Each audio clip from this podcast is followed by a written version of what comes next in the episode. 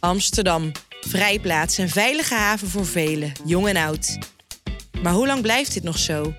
Jongeren die hun leven in Amsterdam willen starten, vinden nauwelijks een woning. Wat betekent dit voor de levens van deze woonstarters? Het antwoord op die vraag zoek ik René van Heteren in deze aflevering van Starten in Amsterdam. Een vijfdelige podcastreeks van Woonstichting Lieve de Kei. Zoals iedere aflevering ga ik een Amsterdamse wijk in met een jonge en oudere buurtgenoot. Maar ik trap af met deskundige nummer 1, Jos Gadet. Hallo. Hallo, goedendag. Hij ontvangt me in zijn woning in Amsterdam-Oost. Bedankt. Bedankt. Jos is hoofdplanoloog bij de gemeente Amsterdam. En ik vraag hem of jongeren nou echt harder worden geraakt door het woningtekort dan andere groepen in Amsterdam. Nou ja, natuurlijk, want veel jongeren komen van buiten. Ja, we hebben twee universiteiten, twee hogescholen, eh, nog een aantal kunstonderwijsinstellingen. Eh, dus er komen heel veel jongeren van buiten. Daarnaast is, eh, komen ook heel veel studenten die zijn afgestudeerd aan andere universiteiten, komen naar Amsterdam. Dus jongeren komen en masse naar de stad. En dan blijkt het bijna ontoegankelijk te zijn. Ontoegankelijk aan de onderkant, omdat de sociale woningbouw ja, dat, is allemaal al, dat zit allemaal al vol, dat is bezet. Dus uh, uh, ja, daar kom je op wachtlijsten van soms van 15 tot 16 jaar. Aan de bovenkant is het ook eigenlijk al allemaal vol. Iedereen die, uh, die de kans had, heeft zijn geld verzilverd in een woning. en daarbij geldt dat in een startfase jongeren nog niet veel kapitaal hebben. Dus je bent wel heel erg afhankelijk van wat rest, wat overblijft van die toch al marginaal aanbod ja. van woningen. Ondanks dat karige aanbod vinden jongeren vaak toch hun weg naar een woning in de stad. Al is dat vaak in het grijze of zelfs illegale circuit, zegt Jos. Trekken bij elkaar in, of ze trekken bij ooms of tantes in. Is dat, is dat grijs of illegaal? Waarom, waarom noem je dat zo? Nou, niet alles hoeft illegaal te zijn. Hè. Ik bedoel, het kan ook wel uh, grijs in de zin van als ik bij mijn tante ga wonen, is natuurlijk niet erg. Of als ik uh, met twee, drie mensen een woning dus de gemiddelde woningbezetting neemt sowieso toe in Amsterdam. Er zijn voorbeelden van een student van me die daar onderzoek naar gedaan heeft, of die ik heb mogen begeleiden vanuit de gemeente. Dat er soms studenten zijn die wel 13, 14 keer per jaar, per jaar. van adres verhuizen. Ja. De sfeer in, bij jongeren is ook, bij studenten en jongeren, is ook van ja, die officiële instanties hoef je niet meer te doen. Want dat heeft toch een zin. hoe, hoe vinden ze het dan? Gewoon een beetje via via? Uh, mond op mond uh, uh, via netwerken. Dus als je een netwerk hebt, heb je ook alweer meer kansen. Dat betekent voor iemand die echt vanuit het diepe zuiden komt of vanuit het hoge noorden, ja, die heeft dat netwerk nog niet. En je ziet ook dat de, de toegankelijkheid van de woningmarkt ook voor kinderen die in Amsterdam geboren zijn, ook heel erg moeilijk is. Maar ja, die kennen vanaf een vierde al een heleboel vriendjes en, en, en, uh, en uh, vriendinnetjes aan ouders van die en ouders van dat. Die hebben een uitgebreid netwerk, toch vinden altijd wel iets. Ja. Soms ook net iets te duur of soms ook net iets te oncomfortabel. Er zit heel veel uh, dynamiek in. Maar tot nu toe hebben we gezien, een van de mooie onderzoeken van een demograaf bij ons, Julian Jansen, die heeft laten zien dat de stad tot voor kort gewerkt heeft als een spons. Mhm. Dus je kon het nog wat allemaal opslurpen. Mhm. Maar ja, nu is het echt bijna onmogelijk om op normale wijze een woning te vinden. Jos ziet de wooncrisis ook in zijn eigen gezin bij zijn in Amsterdam geboren kinderen van 27 en 30 jaar oud. Ja, mijn dochter is uh, vrij vroeg, of vrij vroeg, op een normale leeftijd uh, thuis gegaan, uh, 18, 19. En ja, die heeft echt ook uh, overal bij vriendinnen altijd onderhuur of antikraak, noem maar op.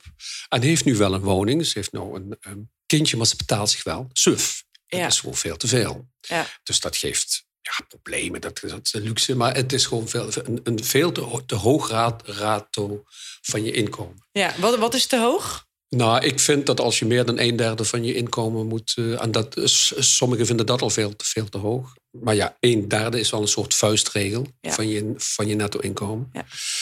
En mijn zoon die woont, uh, ja, die is ook nog van hot naar het huppelen.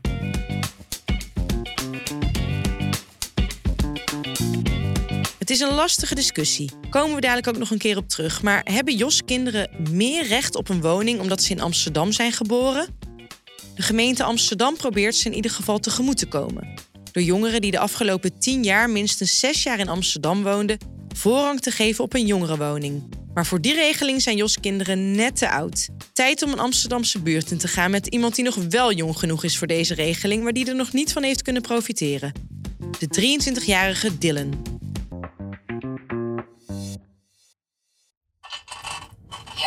Hoi, René hier van de podcast.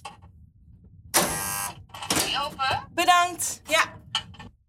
Normaal breng ik in deze podcast twee buurtgenoten samen die elkaar nog niet kenden. Daar wijk ik nu vanaf, met reden. Ik ontmoet Dylan namelijk in de woonkamer van zijn oma, Angelique, in de Spaandammerbuurt. Die zitten samen op een bankje met mij tegenover je. En hierboven zie ik jou, volgens mij, foto's van jou vanaf dat je een baby was tot, Alle kanten ga ik op. tot nu. Ik heb ook maar één kleinzoon en ik had er zeker gerekend op vier. Ik vind dat hun verhaal niet mag ontbreken in deze podcast. Dylan is namelijk een Amsterdamse jongere. Zijn wieg stond in de Spaandammerbuurt. Net als de wieg van zijn moeder, tantes en oma. De afgelopen jaren zagen ze hun oude volksbuurt verjuppen. Maar Dylan is geen jup en woont nu in een heel ander deel van de stad. Voelt het voor jou eigenlijk alsof je nog wel in Amsterdam woont? Met moeite. ik heb heel lang volgehouden dat Zuidoost geen Amsterdam is, namelijk zelf. maar ik heb er toch aan toe moeten geven. Dylan had geen makkelijke start in het leven, vertellen kleinzoon en oma me. Dylans vader was buiten beeld en zijn zieke moeder kon niet voor hem zorgen. Daarom groeide hij grotendeels op bij zijn oma Angelique. De twee zijn dol op elkaar. Want ik hoor dan mensen heel vaak zeggen van... oh, ik hoor mijn eh, kleinkinderen nooit. En dan heb ik er maar één. En die denk ik, nou, die hoor ik heel vaak. Op mijn werk in de pauze bel ik altijd even over mijn, en mijn oma en mijn moeder. Dus dit is eigenlijk voor jou thuis. Heel erg. Ik zal altijd thuiskomen hier. Maar twee jaar geleden was de situatie niet meer houdbaar. Ik eerst in Amsterdam-Noord gaan wonen, in beschermd wonen. Vanwege mijn diagnose autisme en ADHD kon ik daar, kwam ik daar voor een aanmerking. En het was nodig om op dat moment een woning voor mezelf te vinden. Daar moest ik alleen uit, want het ging te goed met me, om het even zo te noemen. Dus samen met zijn vriend op zoek naar een woning. En Warempel, ze hadden al gauw beet in de pijp nog wel. En toen zijn we opgelicht voor 4000 euro. Wat was er gebeurd? Eh, er was een, de vrouw die het verhuurde. Dat was, bleek later toen wij daar kwamen om de sleutel op te halen, als we overgemaakt hadden. Die was slachtoffer van identiteitsfraude. Ze hadden haar identiteit gestolen en onder haar naam het huis proberen te verhuren. Nee. Ze hebben meer dan 30 mensen opgelicht met die eh, dingen. Nooit iemand voor gevonden, nooit iemand voor gepakt. Aangifte. zijn het geld kwijt. Het geld is weg. We hebben aangifte aan nooit daar is nooit wat uitgekomen. Ze hebben nooit die mensen gevonden. Die zitten waarschijnlijk ergens een cocktail te drinken op de Bahama's of zo, denk ik, die mensen. Dylan staat ingeschreven, komt ook in aanmerking voor sociale huur en reageert dus wekelijks op twee drie sociale huurwoningen. En nog steeds denk ik, sta ik op positie eh, 900 van de 1200, zeg maar. Dus dat gaat niet lukken. En toen heb ik in ieder geval mijn beste vriend, die zocht ook een huis. Die moest wilde de ouders ook uit huis. En ik ging dus met mijn vriend, wilde ik samen gaan wonen. Hebben we gezegd van nou, je kunt het allemaal heel goed vinden met elkaar. Laten we gewoon met z'n drie een huis gaan zoeken. Maar is dat, is dat leuk? Ben je er blij mee? Ja, ik heb het, ik heb het goed naar mijn zin, maar toch, het zou, zou ook gewoon lekker zijn om te beginnen in mijn eigen buurt te wonen. Met de huisgenoot vind ik prima, heb ik altijd, heb ik altijd prima gevonden. Ik woon in Noord ook met een huisgenoot. En financieel is het eigenlijk Financieel niet heel is het, haalbaar. nee, het is ten eerste financieel niet haalbaar om in je eentje of maar alleen met je partner te wonen. Maar ook gewoon, ja, zeker in de Spanammerbuurt, als je hier zou willen betaal je. De gemiddelde huurprijs hier is 2000, 2500 euro. En nu delen ze dus 70 vierkante meter met z'n drietjes. En daar betalen ze ieder 500 euro voor. Dat is voor Dylan eigenlijk net te veel. Hij knoopt met moeite de eindjes aan elkaar.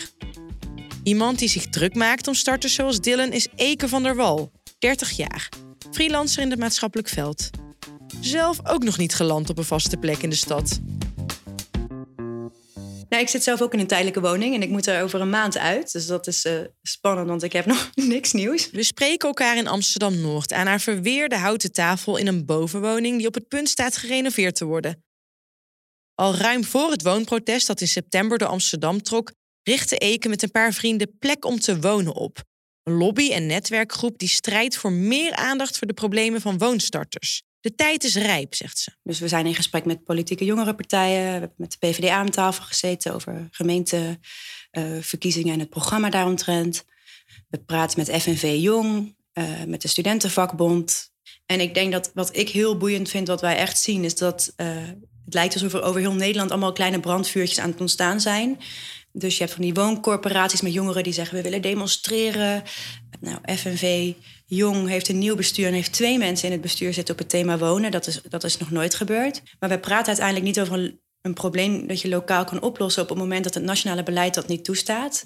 En een van de dingen die wij ook proberen te doen is dus om uh, mensen of om de initiatieven te verbinden. Want als er niks gebeurt, gaat het niet de goede kant op met de generatie, denkt Eke. Ja, de mensen die nog niet op die koopmarkt gestapt zijn en die tijdelijk wonen, en dat zijn vooral jongeren, die moeten steeds weer uh, verhuizen, meer geld betalen. Um, die kunnen eigenlijk heel moeilijk sparen. Je ziet dat, dat jongeren minst sparen van allemaal. Uh, zijn het grootste deel van hun inkomen uh, kwijt. Terwijl ouderen die hier al heel lang wonen, lage huren betalen of een koopwoning hebben met een lage hypotheek. Omdat je hypotheek of de prijs van woningen toen veel goedkoper was. Ja, en dan maakt het dus niet zo heel veel meer uit of je komt van een gezin met wat geld of niet. Iedereen in onze leeftijdsklasse lijkt hier gewoon mee te maken te hebben. Het is een zorg die je vaker hoort in het debat over de wooncrisis. Het tekort aan betaalbare woningen dreigt een generationeel probleem te worden. Een beetje gechargeerd, maar jonge mensen die nu niet kunnen kopen, zullen waarschijnlijk niet genoeg kapitaal opbouwen om hun eigen kinderen later op weg te helpen op de huizenmarkt. Dus die blijven ook huren en bouwen niks op.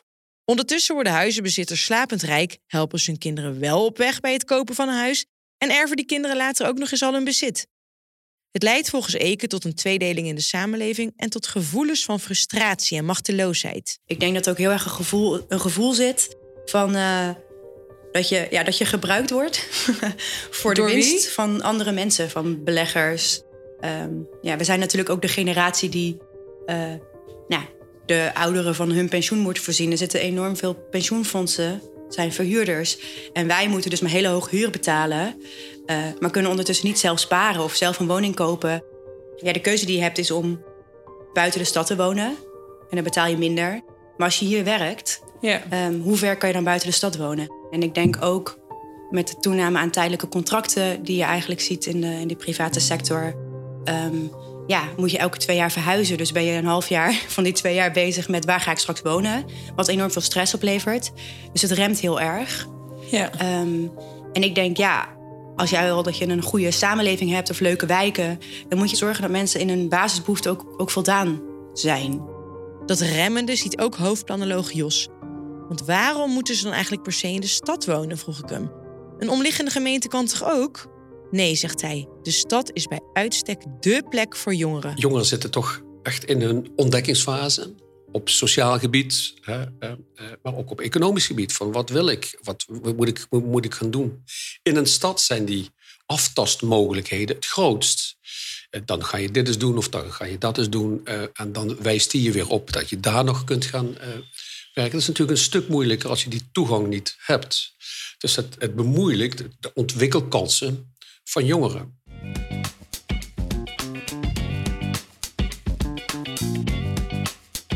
Terug naar de Spaandammerbuurt. Voor Dylan bood de veiligheid van zijn eigen wijkie hem de kans zich te ontwikkelen.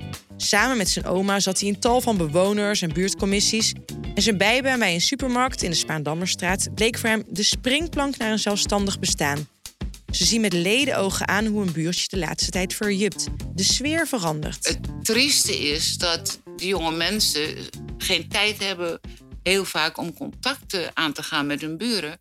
Want die mensen hebben twee banen, kinderen naar de crash en werken zich dood om de huur te betalen tegenwoordig. Kijk, ik, ik heb het ook vaak over juppen, het verjuppen. Maar in feite zijn het jonge mensen die, die ook proberen in leven te blijven, op wat voor manier dan ook. Ja. Emotioneert het je nu? Ja, ja heel erg. Dylan, als jij uh, je oma daar zo over hoort praten, herken jij dit? Dat de buurt inderdaad heel erg is veranderd? Ja, want zelfs in de tijd dat ik hier nog woon, wat natuurlijk veel recenter dan is dan jouw jeugd, is er heel veel veranderd. Ik heb zelf hier ook, toen ik nog bij Jumbo werkte, heb ik eerst 4,5 jaar van de vijf heb ik hier op de Spanammerstraat gewerkt. En de klanten uit de buurt merkte je echt, dat waren de oudere klanten, die kwamen hun hele leven al uit de buurt. En die kenden me en die kenden iedereen en die stonden graag te praten. En de jongere mensen en de juppen, die willen geen contact op een of andere manier. De mensen die hier komen wonen. Die willen alleen maar snel, snel, snel. Alles moet snel. Niks kan meer even tijd voor een praatje of wat nodig. Je vraagt niet meer aan je buurvrouw hoe het met haar gaat of iets in die richting. Beetje de dorpse, het gemoedelijke wat hier in de buurt was, dat is met ja. de, uh, het verdwijnen. Spandammerdorp. Zo werd het genoemd. Wij ja. hebben Oh, ons ja? altijd een dorp gevoeld. Ja, wij lagen tussen de spoordijk en tussen het water in. En uh, tussen de havens.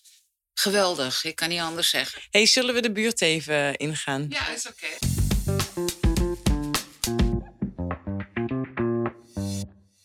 We gaan de trappen af en staan op het Zaandammerplein.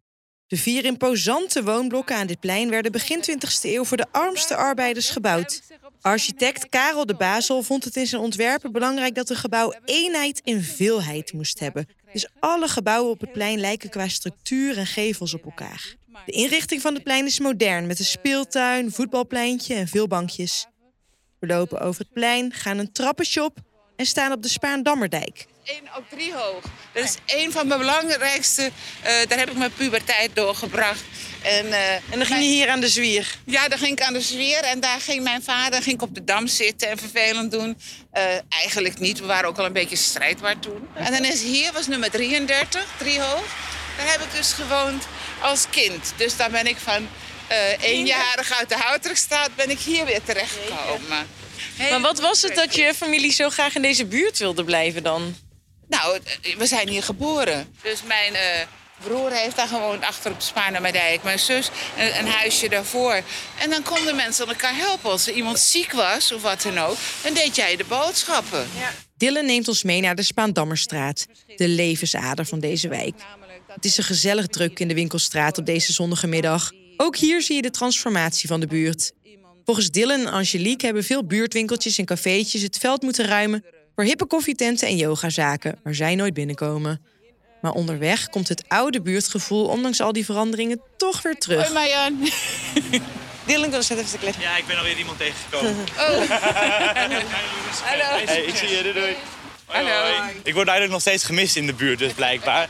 Want iedereen die... eh, iedereen wil even meteen een praatje met mij maken. Hier komen we dan, maar nou, dan zie je waar alles is begonnen voor mij vijf jaar geleden. Een herinneringspunt voor mij natuurlijk, want ik heb er vijf jaar gewerkt. Wat betekent dat werk bij de Jumbo eh, voor jou? Hier op de Spandammerstraat heel veel op een bepaalde manier. Want ik heb hier, ben hier heel erg gegroeid ook als persoon voor mijn gevoel. Van de puber die daar begon als hulpkracht. Tot de volwassen man die daar fulltime werkte en bijna een afdeling aan het runnen was. Ik vind het heerlijk om contact met mensen te hebben de hele dag. En hier in de buurt vond je natuurlijk allemaal mensen die ehm, uit de buurt kwamen, die je al lang kenden, zeg maar. Ja, het is ook misschien eh, iets eh, wat je een aantal jaar geleden niet voor mogelijk had gehouden. Dat je zo'n eh, toffe baan zou hebben en dat je zo, je zo zou ontwikkelen. Zeker. Want ik heb ook wel met klanten erover gehad, zelfs toen ik wegging. Dat het heel erg dat ik ben veranderd van die jonge, 17-jarige jongen die daar binnenkwam en die eh, bij wijze van spreken rood werd als je wat aan hem vroeg. Ja. Van die jongen die met iedere klant een praatje maakte.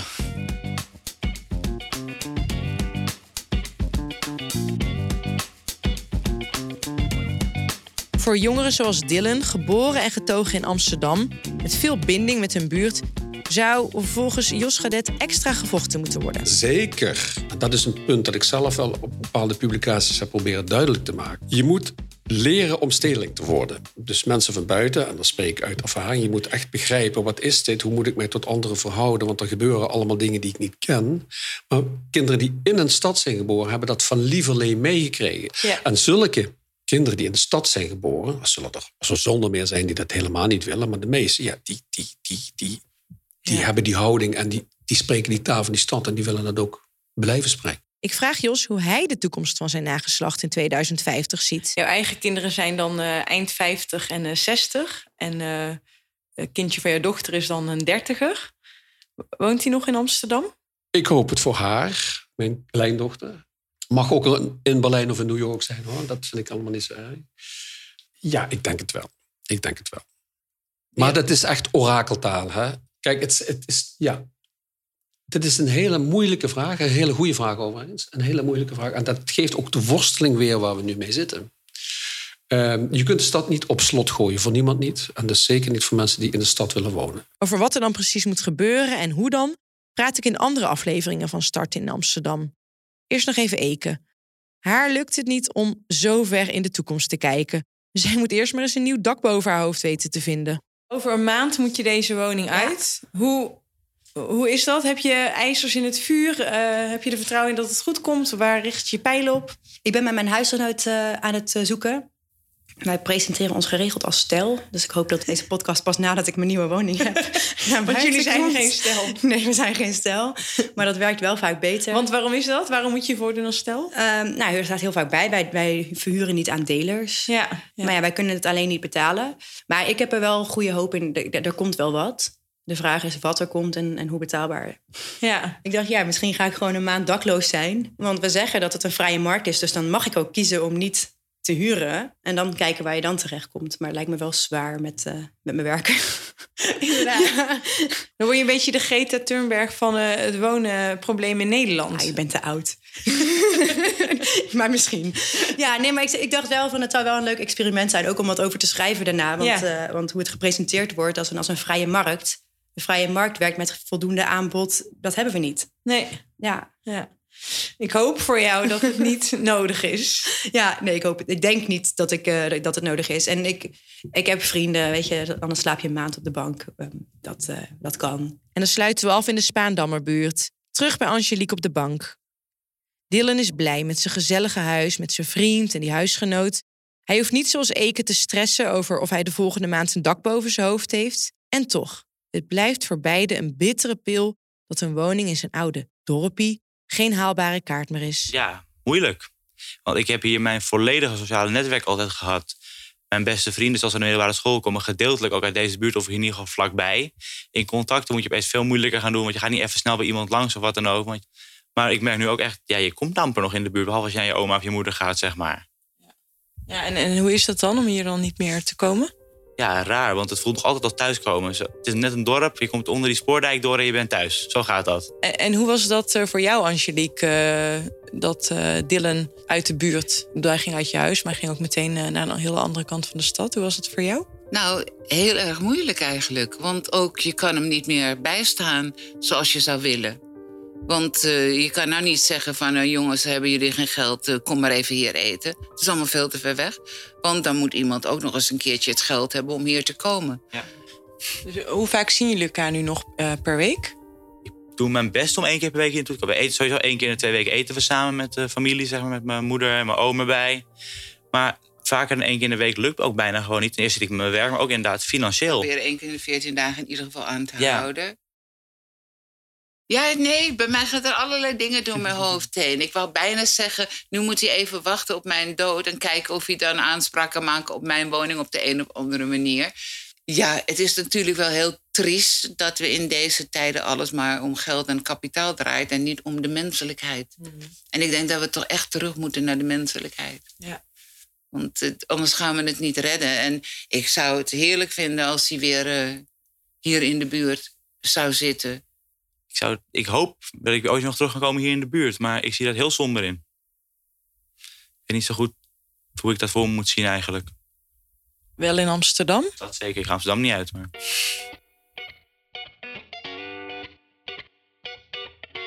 Dit was Starten in Amsterdam, een podcast van Woonstichting Lieve de Kei. Andere afleveringen luisteren? Je vindt ze op dekei.nl en alle plekken waar je normaal je podcast vindt. Dank voor het luisteren.